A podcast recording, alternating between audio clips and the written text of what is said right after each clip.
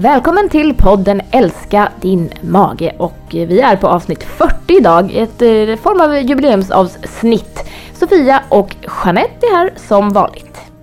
Ja, idag har vi ju gäster här i studion. Eh, vi har med oss Dr. Rein Sensalo som är gastroenterolog och det. arbetar på eh, Stockholm Gastrocenter, Sofiahemmet. Välkommen Tack. Rein! Tack. Vi är exalterade. Ja, vi är Ja. jätteglada för Ja, att du är jag här. är också Ja. exakt. Det är jättespännande. Vi har ju eh, sett fram emot att få ha dig som gäst och Mm. intervjua dig Ja. idag lite grann. Eh, vi jobbar ju tillsammans eh, med Stockholm Gastrocenter och vi kör ju IBS-skolor Just. Uppe hos er på Sofiahemmet. ehm, Och där du då bland annat har första tillfället där du kommer och berättar just om IBS och bakgrund, orsak och lite hur man ser på det framåt. Och det var lite sådana saker vi tänkte prata om i, idag också Ja, och fråga dig om. Shoot. Shoot. Vi får ju också ofta höra från patienter att ja, jag var hos Reine, han var så bra och han Ja, det berättade. Ja. Och det, det tycker jag, det tycker vi är härligt när vi Ja, får, det, får feedback. det är ju trevligt att höra. Ja men faktiskt. Det ska du ta åt dig. Mm. Det är jättehärligt. Absolut, Verkligen. absolut. Vad är en gastroenterolog då? Ja, det är en specialist i matsmältningsorganens sjukdomar. Ja. Vi sysslar bara med eh, mag-tarm, leverproblematik. Och sen så är det faktiskt så att man är mer och mer subspecialiserad också. Alltså man har specifika områden. Så några håller bara på med, eller mest på med inflammatoriska tarmsjukdomar. Andra håller på med övre mag-tarmsjukdomar, magsäcken och matstrup. Och så här. så att det finns lite olika nischer av gastroenterologer. Just det. Och då är man oftast på en specialistenhet när man är gastroenterolog? Ja, det är man. Eh, antingen på sjukhus eller på specialistcentra. Och vi är då på Sofiahemmet på här Stockholms gastrocenter. Och du har nischat dig då kan man säga. Ja, alltså jag, har- jag har gjort många olika saker men, men jag har ett speciellt intresse för patienter med det, det vi kallar för funktionella mag-tarmsjukdomar. Just. Eh, sen eh, har jag gjort en hel del annat. Jag gör endoskopier och tar hand om lite olika patientkategorier också. Det gör man ju oftast på en sån här specialistenhet som är det här är ju en privat vårdgivare och ehm, där, där får man ju där måste man ju vara bred ändå som gastroenterolog så man måste vara beredd att ta alla slags eh, gastroenterologiska problem. När började du intressera dig för det här då om vi börjar med det här med funktionella mag-tarmsjukdomar? Ja, det, var, det är ganska länge sedan. Eh, jag jobbade tillsammans med en annan gastroenterolog, Greger Lindberg, som nu är professor på, på Huddinge sjukhus. Och, ehm, eh, han hade ett dataprogram eh, som han ville utvärdera om man kunde ha hjälp av en dataalgoritm eller ett sätt att fråga patienten med datan om man kunde ställa en bättre diagnos. Och det var patienter med eh, dyspepsi, det vill säga mest eh, övre mag-tarmbesvär som var funktionella. Där man har lite olika diffusa symptom från magen. Det var där det började och eh, det var långt, långt tillbaka. eh, men sen har, jag, sen, sen har jag gjort många olika saker men, men jag kommer tillbaks till patienterna med eh, det vi kallar för funktionella mag-tarmsjukdomar. Och det, det är typ IBS. Idag delar man ju upp funktionella mag-tarmsjukdomar i många olika kategorier. Alltså man, jag tror att man har 27 olika kategorier av funktionella mag-tarmproblem. Men, men det är för mig som kliniker när jag träffar patienterna så är det ganska ointressant egentligen vilken funktionell mag-tarmsjukdom de har. Därför att eh, det, det gemensamt för den här gruppen är att vi inte exakt vet mekanismen vad som är rubbat. Men vi vet att det är en godartad sjukdom. Den har en relativt bra prognos och, och, eh, och, och vi kan inte bara kasta in en medicin utan vi måste ha ett förhållningssätt till patienterna. Och det var där förhållningssättet som jag eh, upptäckte att de här patienterna blir ganska inte dåligt men de blir ganska lågprioriterade och jag brukar säga styrmoderligt behandlade mm eh, rent generellt i sjukvården. Dels måste man ju förstå att det här verkligen inte är en organisk bakomliggande sjukdom utan att det är någonting i funktionen som är störd där vi inte riktigt vet vad det är. Och då måste man ju få patienten att lita på en som doktor. Och, och jag måste också vara försäkrad om att patienten verkligen inte har en annan organisk sjukdom bakom eh, symptomen. Det är visat i många vetenskapliga undersökningar att man kan ha en väldigt dålig livskvalitet Ja. även om man har funktionella besvär. Just det. Och vad, vad är en bra basutredning då? Om vi börjar där. Alltså vi, vi inkluderar ju då eh, eh, vi, vi har ett eh, paket egentligen av prover som vi tar. Och det, vi kallar det för rutinlabb och det är sådana här vanliga blodvärde. Vi tittar att det inte finns någon inflammatorisk aktivitet med snabbsänka. Och vi tittar också på leverprover. Men sen mer specifikt så brukar vi också eh, alltid eh, se till att patienten inte har sån här uppenbar laktosintolerans. Eller vi brukar också i vår screening ta glutenantikroppar. Eller transglutaminasantikroppar. Eh, eh, och sen lite beroende på symptomen då. Eh, ibland är det väldigt klokt att ta sköldkörtelprover. Därför att har man en underproduktion kan man bli förstoppad. Har man för mycket kan man få andra problem med lösa avföringar. Det. Sen måste man också, det är inte bara att, det finns, jag brukar säga till patienterna eh, och framförallt patienter som går till många doktorer att eh, det, det finns en fara i det. För att det finns ingen begränsning i hur mycket undersökningar som man kan göra utan det gäller ju liksom att göra de vettiga sakerna.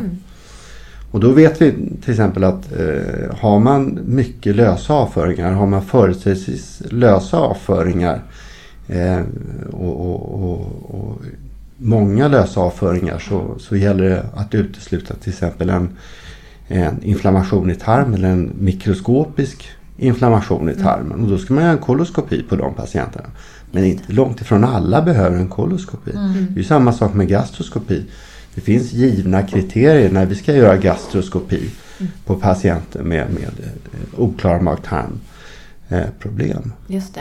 Och tycker du att en gastroskopi på en klassisk IBS, liksom, är det en, en vettig undersökning? Om man inte har några överdelsbesvär? Nej. Om man inte... Nej, det Nej. ser jag ingen anledning att göra Nej. egentligen. Ja, just det. Däremot så, eh, alltså, de här funktionella besvären, eh, de symptomen går ju, överlappar ju varandra vad det gäller det vi kallar för lite övre mag-tarmbesvär som sura uppstötningar, halsbränna, uppkördhet i magen. Och det, man ser ju oftast att, eh, och det, det är ju klassiska tecken på, på eh, det vi kallar för, kan vara det som är funktionell dyspepsi om man har uteslutit organisk eh, orsak.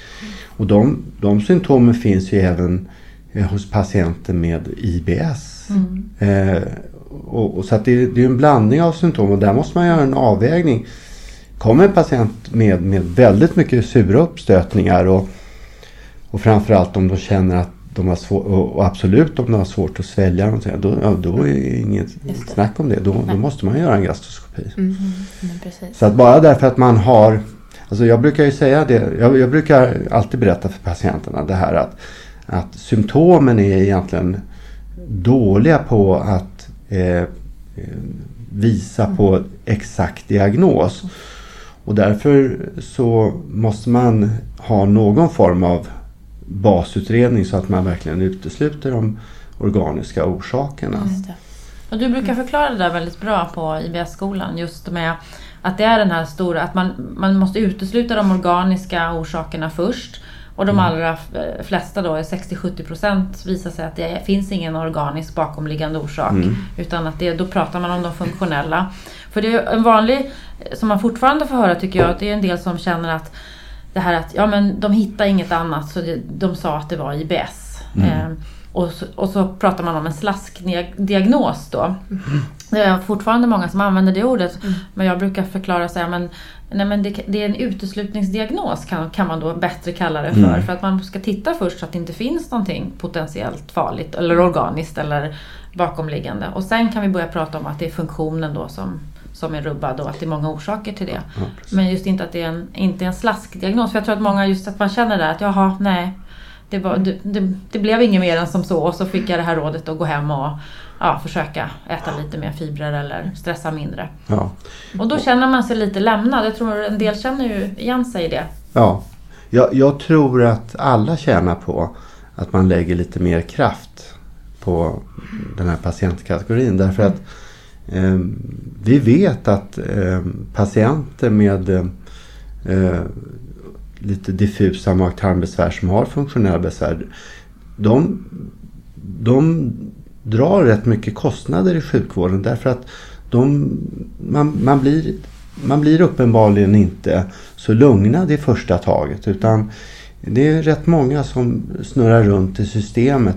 Och kan vi uppleva att, att vi då i vården ibland just är dåliga på att ge den här äh, slutliga tänka, förklaringen. Att många som jag träffar känner just det här att de är, även om de då har blivit utredda så har de inte fått den där just att känt verkligen den här att nej, men det är ingenting farligt. Att nu, nu har vi, men det är det här och nu har vi det här att jobba med. Mm. Att det är där någonstans att det finns ett glapp upplever mm. jag ofta. Eh, patienter berättar att, att eh, man kanske har fått jättemycket utredning precis som du säger men man har mm. inte fått den där okej okay, förklaringen då på då är det det här vi pratar om och då har vi, kan vi göra så här då. För det finns ju saker att göra. Ja absolut, absolut, mm. absolut. Och, eh, på IBS-skolan så går vi igenom allt det här med, med um, allt ifrån information och, och mediciner som man kan eh, tänka sig att ta till för att lindra olika symptom eller symptomkombinationer.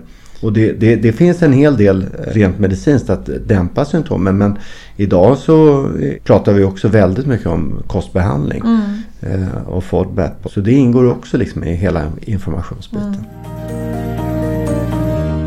Ja, Rein, vi har några snabba frågor till dig här tänkte ja. vi.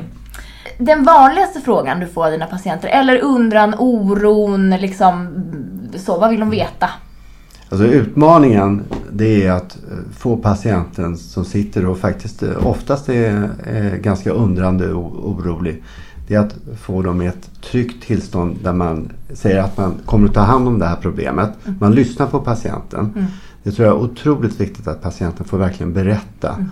om, om sina besvär. Mm. För att sen också visa att det här kommer jag att ta hand om. Och det, då kommer jag faktiskt på en följdfråga. Att om man inte känner det då som, som patient. Om man Nej, men alltså det, det är ju alltid så i, i sjukvården att man, det måste finnas ett ömsesidigt förtroende och tillit mellan patient och, och vårdgivare, läkare eller en annan eh, sjukvårdskategori. Och, och, och, det där rådet är ju bara att man, man, om man känner att man inte har fått den responsen som man önskar, då måste man måste ju hitta någon eh, läkare då, mm. i mitt fall, mm. som, som man kan lita på.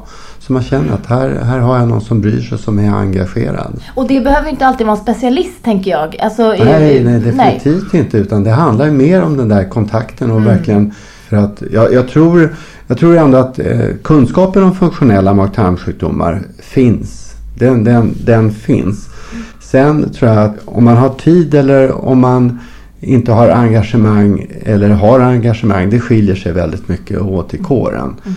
Och, och, och, det där det är en, också för läkarna en individuell fråga mm. vad man egentligen är intresserad av och så vidare. Men, mm. men de här patienterna eh, måste man vara engagerad i för att man också ska kunna hjälpa till. Men också sjukvårdsekonomiskt. Mm. Eh, det är ingen som är bekänt av att, att patienter snurrar runt i systemet, får nya undersökningar, mm. eh, fortfarande känner sig otrygga och så vidare.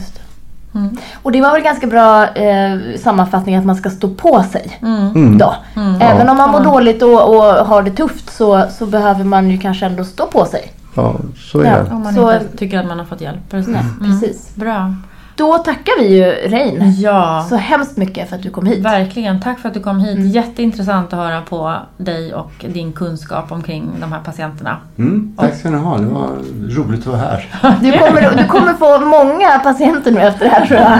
Okej, okay, ja, vi, vi, hoppas att du vi är beredda. Bra, ja, det är bra. Vi hoppas att du bra. kommer tillbaka hit kanske också och besöker podden igen. Ja, gärna. Ja, bra. Tack. Tack. Och det var allt för idag. Vi påminner om hemsidan bellybalance.se och vår app som också heter Bellybalance. Och så får ni hemskt gärna komma och eh, möta mig, Sofia, på Allt för hälsan-mässan lördag den 10 november. Där föreläser jag på scenen Pratbubblan klockan 15.30 på lördagen. Då är ni hjärtligt välkomna dit och så tar ni hand om er alla så länge. Tack och hej!